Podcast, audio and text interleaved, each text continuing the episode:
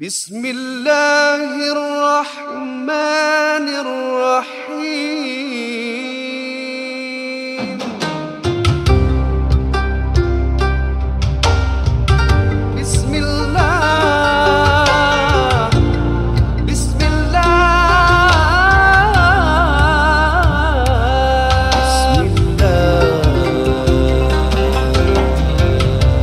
Bismillahirrahmanirrahim. Rabbi syrah li sadri wa yassir li amri wahlul 'uqdatam min lisani yafqahu qawli. Muslimin muslimat yang dirahmati Allah sekalian, kita bertemu lagi dalam rancangan NJU bertemankan saya Dinur Rahim dan teman-teman kami di sini Zar Ismail dan juga Raja Razi dan sudah tentunya kita bersama yang berbahagia Al-Fadhil Ustaz Ustaz Muhammad Nuzhan sebab selaku NJU kita dan uh, bitahiyatul atirah. Assalamualaikum warahmatullahi wabarakatuh. Waalaikumsalam warahmatullahi wabarakatuh. Muslimin muslimat sudah tentunya NGU kali ini uh, dibawakan khas untuk anda oleh NGU Ajwa. Nikmati buah kurma dari Madinah. Tujuh biji sehari untuk kesihatan tubuh badan anda. Pastinya menjadi pilihan anda setiap masa. Dapatkan segera sekotak berharga 25 dolar. Dapatkan dengan segera lungsuri www.nju.sg garis miring shop. Sekarang Ui, seram sih. Ah, ah, aku tidak tahu. sekarang Siapakah Tuhanmu? Ah, ah, aku tidak tahu. sekarang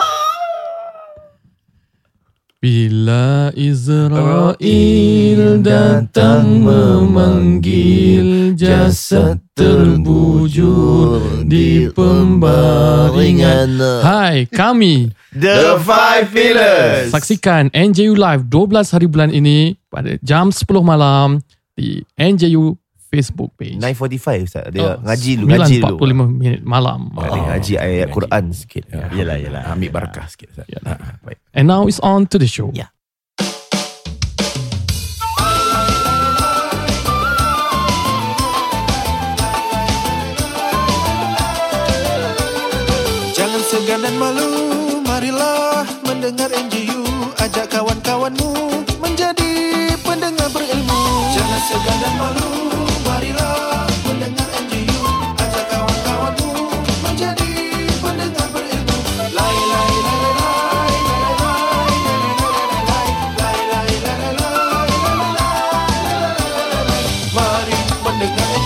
Salah tak kalau masa NGU live Saya pakai selipar Nilofa Uh, tak salah.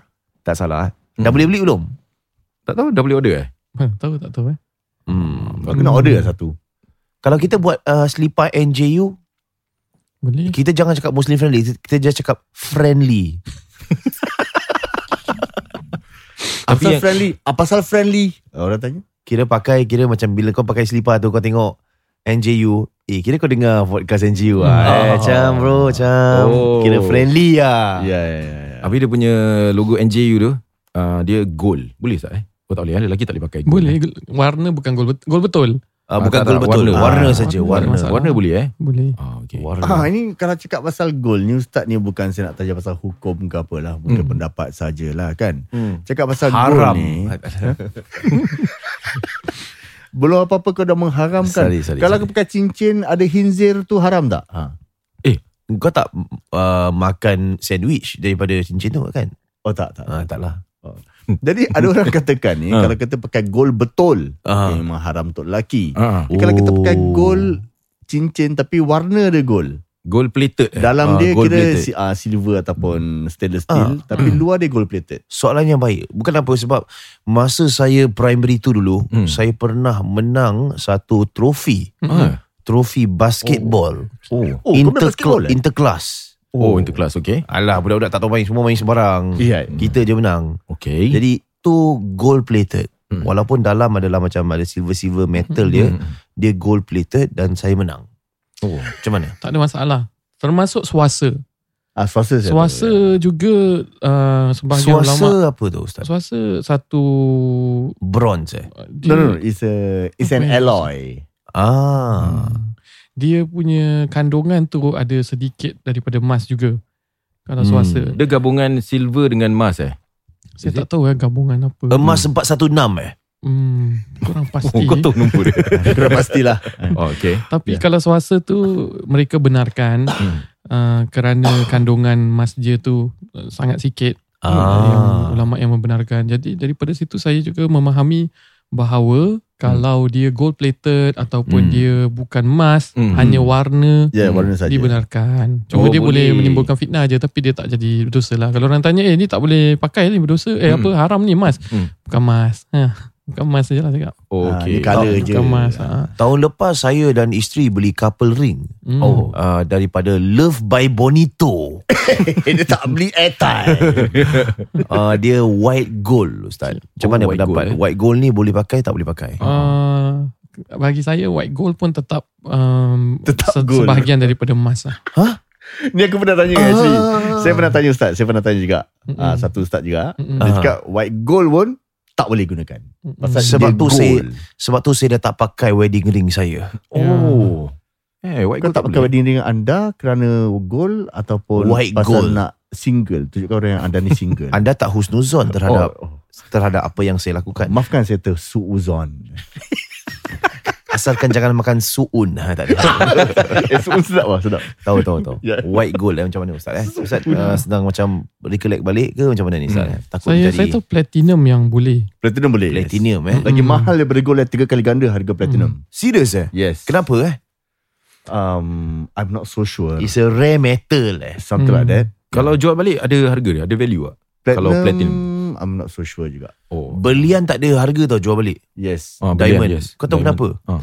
Okay, konspirasi dia macam ni. Ah, Okay. okay. Konspirasi dia dia daripada kumpulan uh, the uh, The sound. The Beers Wright, punya the group. Wright Brothers. Eh, tak. Bukan bukan dia itu kapal terbang. Oh ya ya. Okay. Uh, daripada kumpulan The Beers punya group ah. Aha. Oh. Jadi apa yang mereka lakukan adalah you know conspiracy has it dia orang actually ada banyak um, diamond in a vault. Ya. So it's actually easily available tapi dia dah conquer ni market. Orang lain semua tak boleh tak Okay. boleh masuk ni market. Okay. So oleh kerana supply dia dah banyak gila, dia orang lock everything in a vault.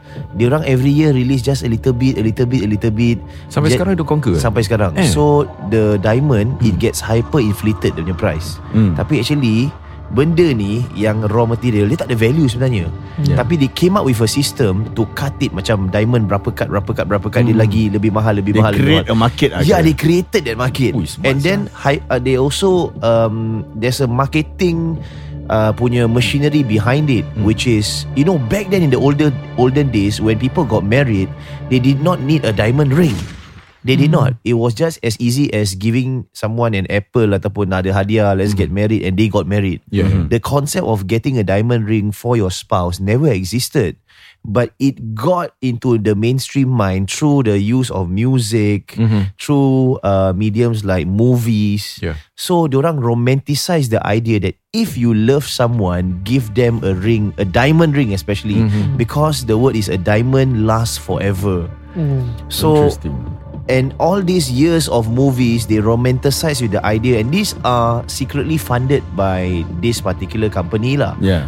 actually it's a marketing stunt Hmm. so over time people saw the value of a diamond but every time when they decided to sell it back dia punya value dia tak dia tak dapat Yalah. mengecapi value yang sama ataupun lebih dia akan kurang dan kurang sekali daripada harga asal Berbanding dengan emas. lah berbanding kan? dengan Ya, emas. So um, essentially if you were to buy your spouse a diamond ring and you can macam apalah apa 24k Ha. uh, whatever uh eh no tu gold Hmm. apa diamond dan F color, sebagainya G color. Ya, apa dia akan bilang macam oh ni kalau ni grain dia macam gini mahal dia macam ni. Ya. Oh kalau dia punya tinge dia macam ni mahal dia macam gini. Oh potongan dia dia made by skilled craftsmen which they are actually skilled as well. Hmm. Tapi hakikatnya diamond ini adalah fosil tahi yang telah pun berjuta tahun diperap dan di uh, under high pressure Hmm. dan menjadi apa ini sebagai sebagai diamond. Dia carbon actually. Dia lepas volcano eruption pun kau boleh dapat diamond around around the volcano itself.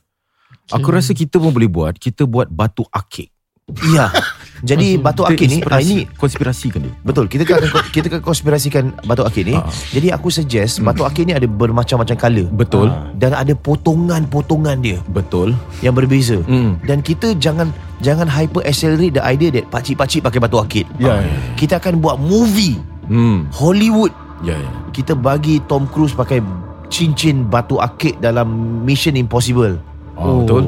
Dan setiap kali dia mengalahkan musuh, Hmm. dia menggunakan cincin batu akik. Ya. Power Ranger punya franchise kita beli. Hmm, hmm. Bandai, Bandai eh. Ah, bandai, Ah. bandai. By Bandai.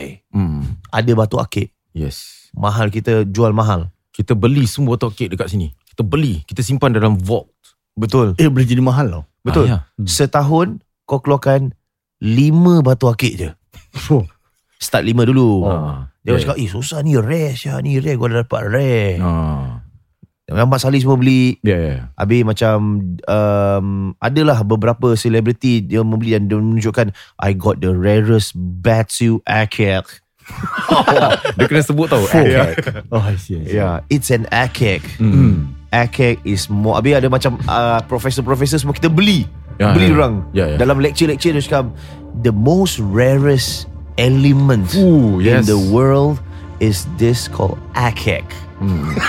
Very few people has seen it Yeah, ya. But if you manage to buy it Just a small akek Hmm. It can fetch up to 500 million dollars gila. Orang macam Eh apa ni apa ni Habis ada rompakan Hmm. Biar kita stage Rompakan ni kita stage Kita bayar Oh, orang Correct, correct, ya, correct. jadi dia rompak satu macam museum dalam ada banyak uh, banyak dua arkek. Hmm. Habis keluar dekat BBC. Kita bayar BBC. Yes, Oh. yes. Uh, modal banyak. Nampak mahal. kita bayar BBC, bayar Reuters. Habis macam habis ada macam um, right now top in the news in the London Museum a robbery has just occurred and the robbers have fled with two of the most rarest Batsu Akek worth 1.5 billion dollars. Stop. Yes, I know this uh, is going on right now, and I am actually uh, in front of the museum where the robbers has been seen taking two small pieces. Now let just uh, let just let me reiterate: this is the most rarest Batsu akek in the world, and it's been sold off to a private collector. Ya, ya, ya. Kita akan be the next be uh, is it the Bilderberg group ke De Beers? De Beers punya group ah. Correct. Jadi kita punya Yeah. nama ni The Five Pillars lah. Ya ya ya Hmm, ya, ya Lagi pillars. 30 years lah Down the road Nanti semua macam Kau tahu tak Konspirasi waktu akik ni Ni daripada five pillars Aku tak salah aku lah ha, Sambil dorang kira five cerita lah. pillars Habis Seorang lima batu kan Hmm. Seorang satu batu kan Ya. Lalas kau tahu Siapa yang jahanamkan the whole world Siapa? Thanos. Ya Thanos Ya ya Oh ya Dia kan Ya. dah boleh baca otak aku lah kira. Ya, ya. Ma- bagaimana Ustaz tentang diamond tu? Adakah Ah. anda anda eh. lebih Korang berhayal-hayal aku kena jawab hukum eh. Uh, the white ini konten konten Ah. Ustaz ya. white uh, white white ring uh, apa white gold Yeah. is a uh, is a gold plated by platinum. So tetap tak boleh. Oh, dia Tapi kalau lah. platinum saja boleh. Okay. Cuma cerita tentang diamond, tentang konspirasi, tentang marketing yang telah di spend untuk uh, menaik tarafkan diamond tu. Ya Um, to me asalkan dia tidak ada penipuan uh, tak ada masalah. Kalau you arcade, lepas tu terus you brand dia sebagai batu yang ada khasiat, lepas tu orang-orang yang kaya-kaya pakai, Mhm. kan you you taruh dekat dalam cerita, cerita, cerita Pink Panther ke apa cerita, Ya, naikkan lagi taraf dia. Tak ada masalah. Okay. Asalkan you tak tipu lah. Uh, dia tak you tak tipu bukan dari segi nilai dia tau, tapi dari Hmm. segi cakap ni mempunyai khasiat yang boleh uh, merubah sesuatu. Uh, Oh, you okay. brand you brand and, and market it uh, selama mana kita brand market orang lain uh, rasa ada nilai uh, itu up to them lah. Ya. Okay. Kira Dan dalam diamond kira okey lah The way he market Dia tak tipu Ya, dia Ya. tak tipu. Tapi Cuma- susah weh nak market macam tu. Of course lah Tapi siap. bila I pergi China, orang tak heran diamond. Pasal orang tahu the game. Orang tahu Oh, tahu game tahu game ni. Orang lebih heran Jade. Ah, Ah. Orang kata ni lebih kuat daripada diamond dia punya jaga-jaga kedai. Maybe dia orang punya culture, orang lebih suka Jade lah. Tapi dia Hmm. cakap ni sama juga dari segi kuat ni pun sama kuat. Dia bilang ah, kira dia tengok dia go dia dia tak kisah what is the marketing behind that tau. Hmm. Ah, dia tengok dari segi apa Kekuatan batu tu kekuatan apa dia punya natural uh, apa dia composition ya dia. composition dia itself Oh Hmm. uh, dan dia kata ni sama dengan Jade Jade pun ada lebih bagus daripada sudut ni I see. dari I sudut see. uh, yang lain uh, so bila saya pergi China orang compare uh, dia punya composition dia sendiri Singapore, Kalau- Singapore pada Jade juga Jade Apa? sia Kalau di Korea dia orang lebih kepada amethyst. Amethyst. Amethyst. Oh, ya. ya, Ada factory dia semua. Purple lah Purple kalau Stone, Melayu ya. kira ni, ni kira akid lah eh Akik lah. Melayu akik. Pak Cik tu lebih pada Pak Cik lah Ustaz. Pakcik Hmm, lah. bukan Melayu sajalah. Melayu. Melayu kalau perempuan Makcik-makcik banyak mas Pakai mas Mas, Hmm. kita lebih kepada uh, the gold dinar.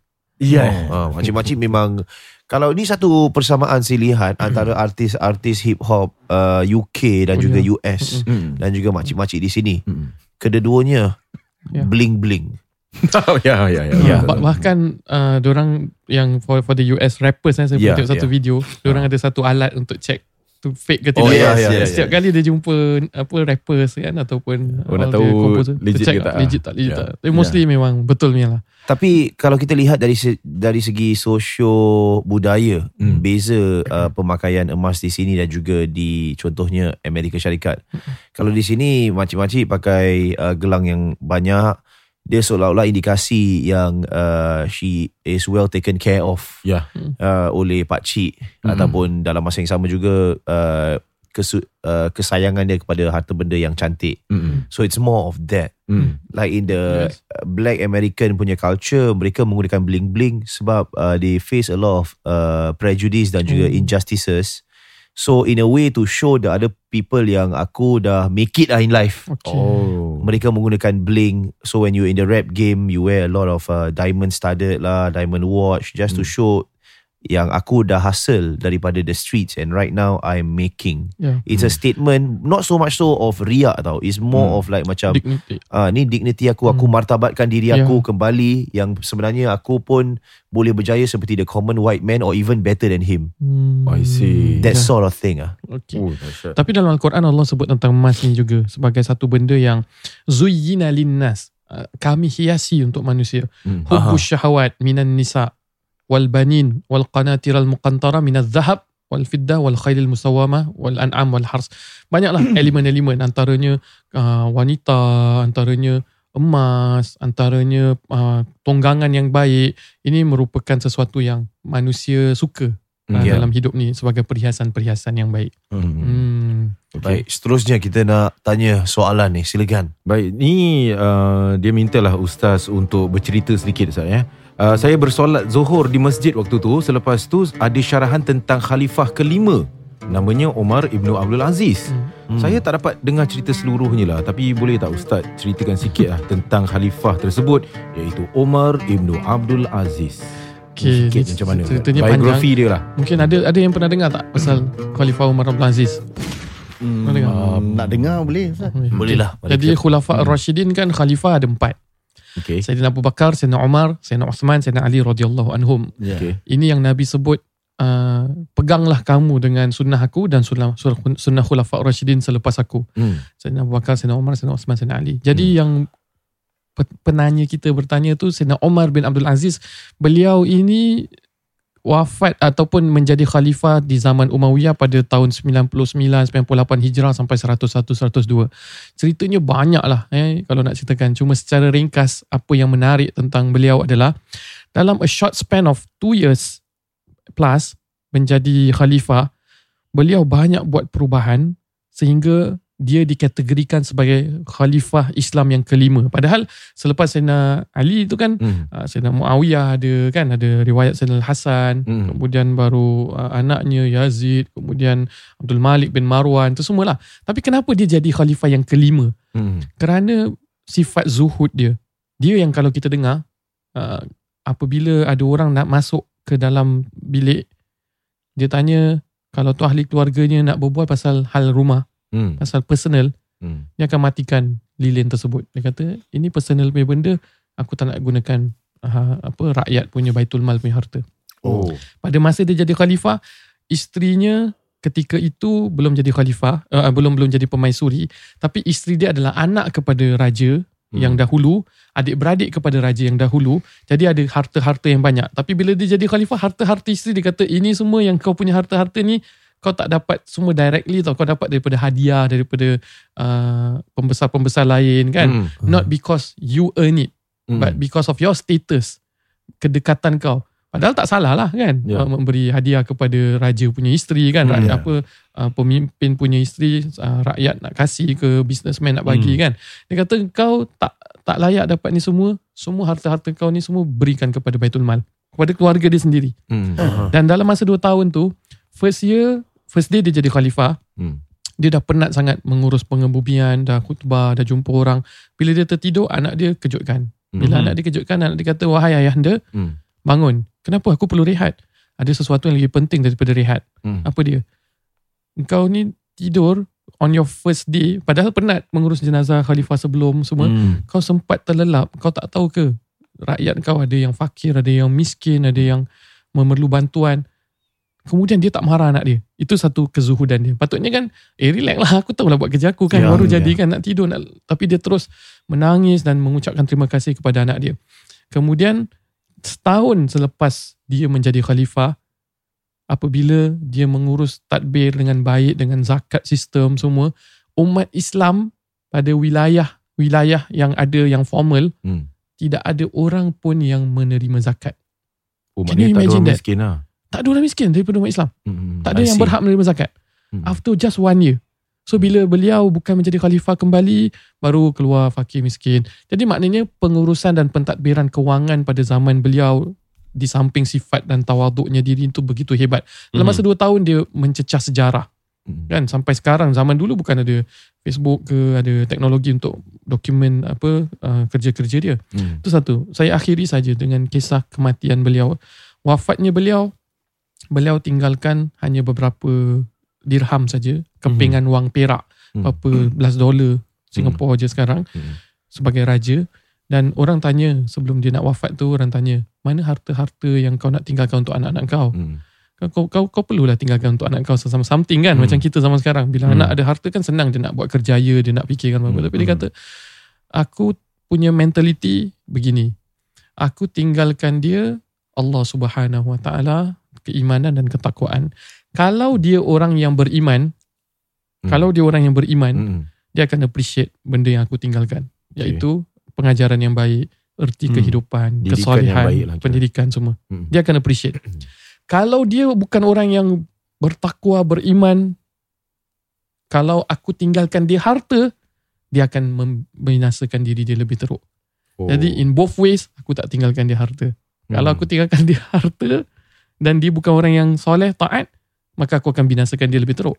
Hmm. Tapi kalau aku tinggalkan dia keimanan, ketakwaan ni, dia akan lebih appreciate kalau dia orang yang beriman. Inilah salah satu virtues daripada siapa Syekh uh, apa uh, uh, Khalifah Umar bin Abdul Aziz yang Hmm. merupakan keturunan Sayyidina Umar bin Khattab. Sayyidina Hmm. Umar ini radhiyallahu anhu pernah ada cerita di mana dia terdengar ada orang campur air dengan minyak. Hmm. Ya. Kan dia kata aku dengar ada mak dengan anak dia. Hmm. Hmm. Mak dengan anak dia di sebalik bilik tu Sayyidina Umar kata mak kita uh, uh, mak dia cakap wahai anakku kita taruh je lah minyak ni taruh air biar dia muai besok Hmm. kita jual anak dia kata janganlah mak mak dia kata bukannya orang tahu kali Hmm. anak dia kata Hmm. orang tak tahu mak dia kata Omar pun tak tahu khalifah pun tak tahu Omar bin Khattab tahu Omar Khattab tak tahu orang semua tak tahu anak Hmm. dia kata apa Omar tak tahu tapi Tuhannya Omar tahu Allah melihat Hmm. Ha, jadi bila Omar dengar macam ni, besoknya Omar radhiyallahu anhu membawa anaknya, salah seorang daripada anaknya untuk dilamar. Jadi Hmm. orang yang dia nak lamar tu yang semalam dia dengar suara dia begini, rupanya wanita cantik, wanita soleha, dia terima datang daripada keturunan anak Sayyidina Omar inilah Khalifah Omar bin Abdul Aziz, Khalifah kelima. Itu sedikit sebanyak sejarah yang boleh kita sentiasa jadikan sandaran dalam kehidupan kita sebagai orang Islam Hmm. untuk memperkukuhkan dan juga untuk menggagahi kehidupan ini insyaAllah. Okay. Okey. Hmm. Mungkin kita ambil satu soalan daripada Razi dan satu lagi soalan penutup. Saya ada satu di sini ya. Ni Silakan Ustaz, Sabra ah, macam ni biasa. ah, mungkin ah, kalau Ustaz Rizal boleh kita bincang lah dengan Din dengan Zar Ismail semua lah. Hmm. Ah, satu soalan daripada pendengar kita yang ingin meminta, ah, meminta pendapat ya. Ustaz, apakah salah kalau kita berkeras terhadap anak kita yang teenager ni? Hmm. Anak kami yang tengah marah ni Hmm. maki-maki kami Ustaz. Hmm. Yelah, dia marah pun sebab dia nak sembunyikan sesuatu daripada kami. Satu, dua kali kita kasih warning. Hmm. After that, kita give one tight slap Oh. dekat anak kita tu. Salah ke kita Ustaz? Terima kasih. One Hmm. tight slap eh. Hmm. Tight punya. Um, Afsal ni tanya pendapat kita ke Ah, Ustaz dia ni? tanya pendapat lah. Kau Hmm. bagi kau macam mana? Pada aku, um, Imagine Arik maki kau Okay. For me eh, Hmm. aku don't aku don't believe in slapping. Hmm. Ini pada aku eh, pasal I mean, aku lah. Because pada aku kalau sepak kalau kena muka, you will never forget for the rest of your life. Hmm. Hmm. Walaupun budak tau. Hmm. So for me, ya memang kalau dah makin and this di, ni kena teenager tau, dah besar. Hmm. Dah besar maki-maki kan. Uh, so I will probably akan tengking dia dulu supaya dia stop maki. Kira maksudnya dia maki mak bapak Ah, dia maki mak bapak dia. ni. Kira kan Ah. let's say anak aku maki-maki aku lah. Uh. Dah secondary school eh. Dah Oh. secondary school set 1, set 2, set 3 ke apa kan. Kalau they, they want to hide something from from kau. Yeah. Kau nak tengok ataupun kau dah find out something about about him or her. Hmm. Then kau tanya dia, dia dah tak ada point, dia maki-maki kau. Dia mengamuk, dia tengah marah ni apa dia maki-maki kau. Anak kau. Hmm. So sepak pada saya dia, dia pun dah besar. Hmm. Sepak pun mungkin dah boleh tahan. Hmm. Ha, tak, jadi ini benda nak kena berbual lah Ustaz. Boleh. Tadi. Which is not easy lah. Uh. Takut aku terviolent pula. Hmm. Hmm. I mean, um, I feel from so many parenting school of thoughts, dan uh, it's a very uh, different landscape here in parenting as compared to what was established a few years back ataupun ma- many years back. The days of the parenting of our parents nak aplikasikan pada zaman masa kini boleh tapi kau akan kena kecam Mm-hmm. uh, because there's different uh, community standards already with regards to parenting. In fact, nowadays kalau kau even hantar anak kau go to school dan anak kau berbilai sebab ada kesarutan Hmm. and uh, school sees it, kau boleh kena call up Yeah. and you can be charged for it. Uh, that being said, I can hear macam the the keluhan setengah parents like, oh spare the cane, spoil the child. You know, Hmm. not necessarily, but what I feel is that you can spare the cane and you can still not spoil a child. Tapi Hmm. masalahnya dengan keadaan parenting in this day and age, not many parents are equipped to raise a child without a cane. Yeah. Not many parents are equipped to raise a child without a cane. Raising a child without a cane requires a lot of communication, a lot of time spent, a lot of strategies. And more than often, when you do parenting workshops, not many will come and want to learn about it because their grasp will be, aku busy ya. Am I paid for this? Mm-hmm. You know? So they end up overcompensating their lack of time with kids with whatever time they've, they've got. When they come home to their kids and then they spend like two or three hours and then they give the kid all sorts of things to compensate the time that they have not been there. And then you end up really spoiling the kid. Hmm. So Aku terasa pula ni. He said that what? Yeah, he said yeah, that macam yeah aku aku faham where you coming from dan Yeah, aku tak cakap I have the perfect parenting because I'm also like that what. Aku Understand, tak cakap, eh, understand, kau faham tak? Like kita datang kita cakap oh I don't believe in caning your kid. Yeah maybe you don't believe in your kid but what steps have you taken to actually educate uh, dan juga membesarkan anak kau? Mm-mm. Do you spend time? You don't what? And then nanti anak kau macam aku tak tahu aku tak boleh handle dia, aku tak boleh handle dia. Hmm. Yeah, because raising a kid without a cane, you require you require more from the parents. Kita nampak macam Mak Saleh, Mak Saleh membesarkan anak mereka dan dengan ideologi-ideologi yang lebih bebas daripada our Asian culture. Hmm. Are we prepared for such of a macam those sort of a cultural shift in that sense? Age of 12 je free to go lah. Yeah, whatever lah. atau macam say macam dia punya harshest punishment is that go to your room Yeah. that sort of thing. Tapi apa yang kita tak nampak tak nampak dari segi parenting Mak Saleh ni, diorang banyak komunikasi komunikasi tau. Mm-mm. Banyak gila. Ha, something that macam kalau kita nak pergi macam boleh tak kita commit that sort of thing. Yeah. I I've I've been hearing a lot of people like judge me for my parenting, judge other people for my parenting. I've heard from experts who think that their parenting are the best. Habis bila aku tengok anak orang pun macam tak ada beza Yeah, dengan kau faham tak? Like I have seen like literally uh, parenting gurus coming forward and tell other people how is it to raise a child. Tapi aku tengok anak orang aku dan bila saya tengok anak orang I'm like I don't want my kid to be like yours. Yeah. Kau faham kan Yeah. Like with certain ideals Sebab setiap keluarga Mempunyai nilai uh, Keluarga yang berbeza. Hmm. Like what is your tolerance Yeah. To certain nilai? Nilai dan keluarga kau Mungkin tak sama dengan nilai keluarga aku. Yeah my- I, I, I grew up with uh, I grew up with a parent uh, With parents who are harsh on me. Bapak saya memang sepak Pukul saya dan seumpamanya And when I share this kind of ideals To someone who's uh, A Gen Z contohnya. Yeah. Uh, I think recently I I, want, I just wanna I just Yeah. wanna share a Please, video please. yang dibuat oleh uh, Don, Don Jani Jani, Mm, mm, mm. berkenaan dengan um, I, I get where he's coming from. Dia share berkenaan dengan oh uh, kita mesti hargai pengorbanan ibu ayah kita walaupun ibu ayah kita dulu pernah pukul bantai kita dan seumpamanya kita mesti hormati mereka sebab mereka lebih berusia. Hmm.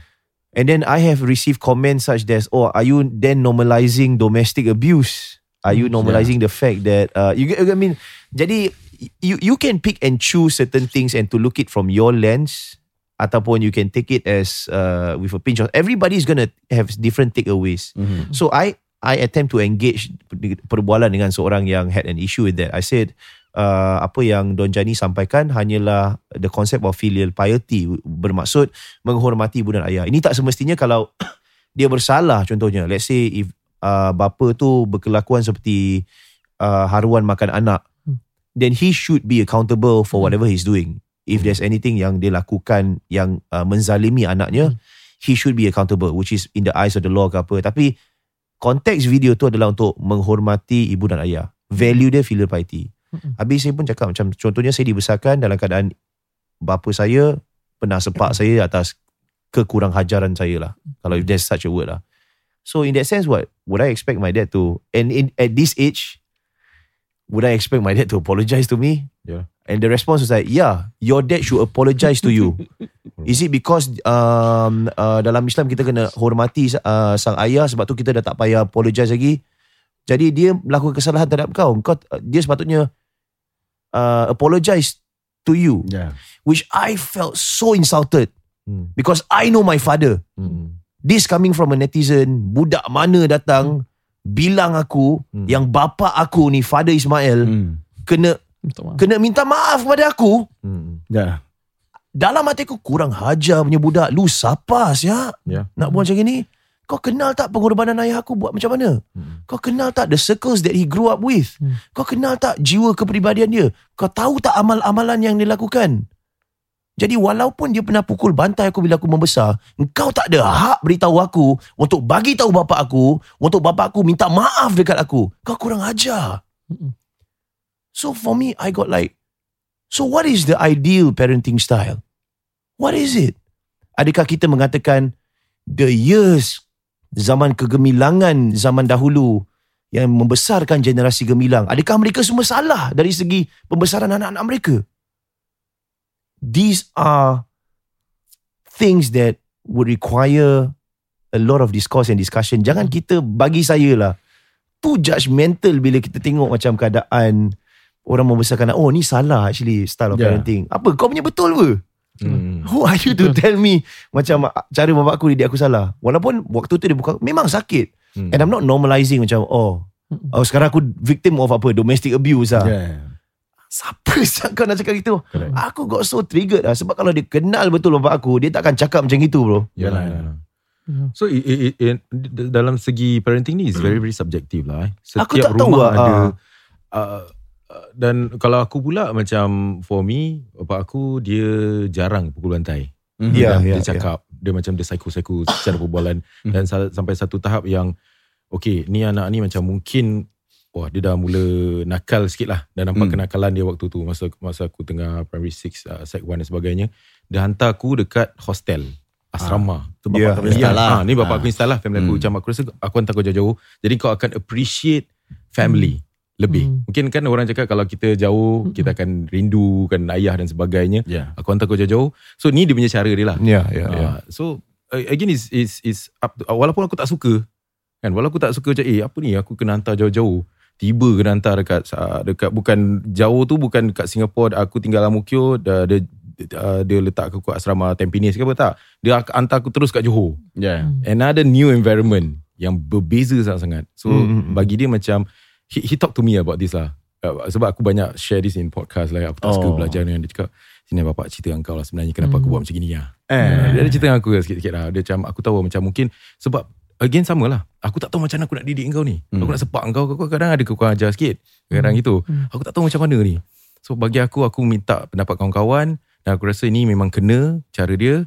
So aku hantar kau jauh-jauh sikit supaya kau lebih appreciate tentang family tentang value of uh, family, sayang uh, mak ayah dan sebagainya. Dan aku tengok sekarang pun okey lah, alhamdulillah lah kau nampak lah juga kau bantu mak kau, kau bantu ayah kau because of rindunya kau dengan family. Mhm. Uh, sebab aku dibesarkan dengan kawan-kawan. Hmm. Kan macam ma- waktu aku remaja dulu sibuk dengan kau aku tak aku tak ada jarang balik rumah. Aku jarang dengan family jarang ada pelukan kasih sayang family. Hari raya pun kadang-kadang aku tak balik dan sebagainya. So ini cerita aku lah. So again uh, bapak aku dah cerita lah. Dia kata this is cara aku untuk mendidik kau hopefully. Dan aku uh, ni ter- 100% aku tawakal lah insyaAllah lah. Kalau kau baik-baik lah. Kalau kau tak aku doakan kau teruskan. No, something like that lah I see. yeah so it's different Ya, saya saya nak juga masukkan uh, kemasukan daripada ayat al-Quran hmm. yang begitu indah saya tengok lepas perbincangan-perbincangan dan pandangan-pandangan daripada kita bahkan daripada expert uh, dalam parenting punya scene Allah sebut dalam al-Quran walaqad ataina luqmanal hikmah. Hmm. Dalam kisah mendidik anak kita tahu episod ataupun model Luqman menjadi rujukan daripada segi konten eh. Hmm. Uh, Anis yang pertama la tusyrik billah kan. Hmm. Uh, kemudian aqimis salah semua dari segi konten apa yang dahulu mentauhidkan Allah, sembahyang, uh, ada autonomi diri tentang akhlak. Tapi perkataan hikmah tu sebenarnya mahal eh. Hmm. Sebagai ibu bapa, Allah dia Allah SWT tidak memberikan satu cara one size fits all punya metodologi untuk pukul, untuk Didikan approach anak-anak, seperti ini. Hmm. Tapi Allah sebutkan dan kami telah memberikan Luqman hikmah, wisdom. Hmm. So with Yeah. that wisdom, you can lihat kepada situasi, Hmm. lihat kepada apa yang sesuai dengan anak, Hmm. lihat kepada apa yang kena dengan konteks, apa yang boleh mendidik dan merubah diri dia. Allah gunakan literally perkataan hikmah kepada Luqman sebagai ayah kepada Hmm. anak-anak. Kedua, bila kita lihat tentang ibu bapa juga, um, kita lihat betapa communication antara sang ayah dengan sang anak Hmm. sangat penting bila Nabiullah Yusuf alaihi salatu wassalam menceritakan mimpinya. Dalam Al-Quran, orang banyak fokus tentang konten mimpinya. Dan saya menyatakan memang ada pengajaran-pengajaran. Eh. Konten Luqman dengan anak dia tu ada Hmm. pengajaran. Yeah. Tapi we are talking about the approach now. So Hmm. kita lihat dari sudut approach yang Allah sebut dalam Al-Quran. Uh, tentang mimpi Nabi Yusuf. Inni ara fil manami anni uh, inni raaitu ahada asyara kaukaban wasyams wal qamara raaituhum li sajidin dalam surah Yusuf tu aku lihat bulan eh, apa Hmm. bintang sampai 10 planet dan sebagainya. Tapi aku lihat dalam mimpiku.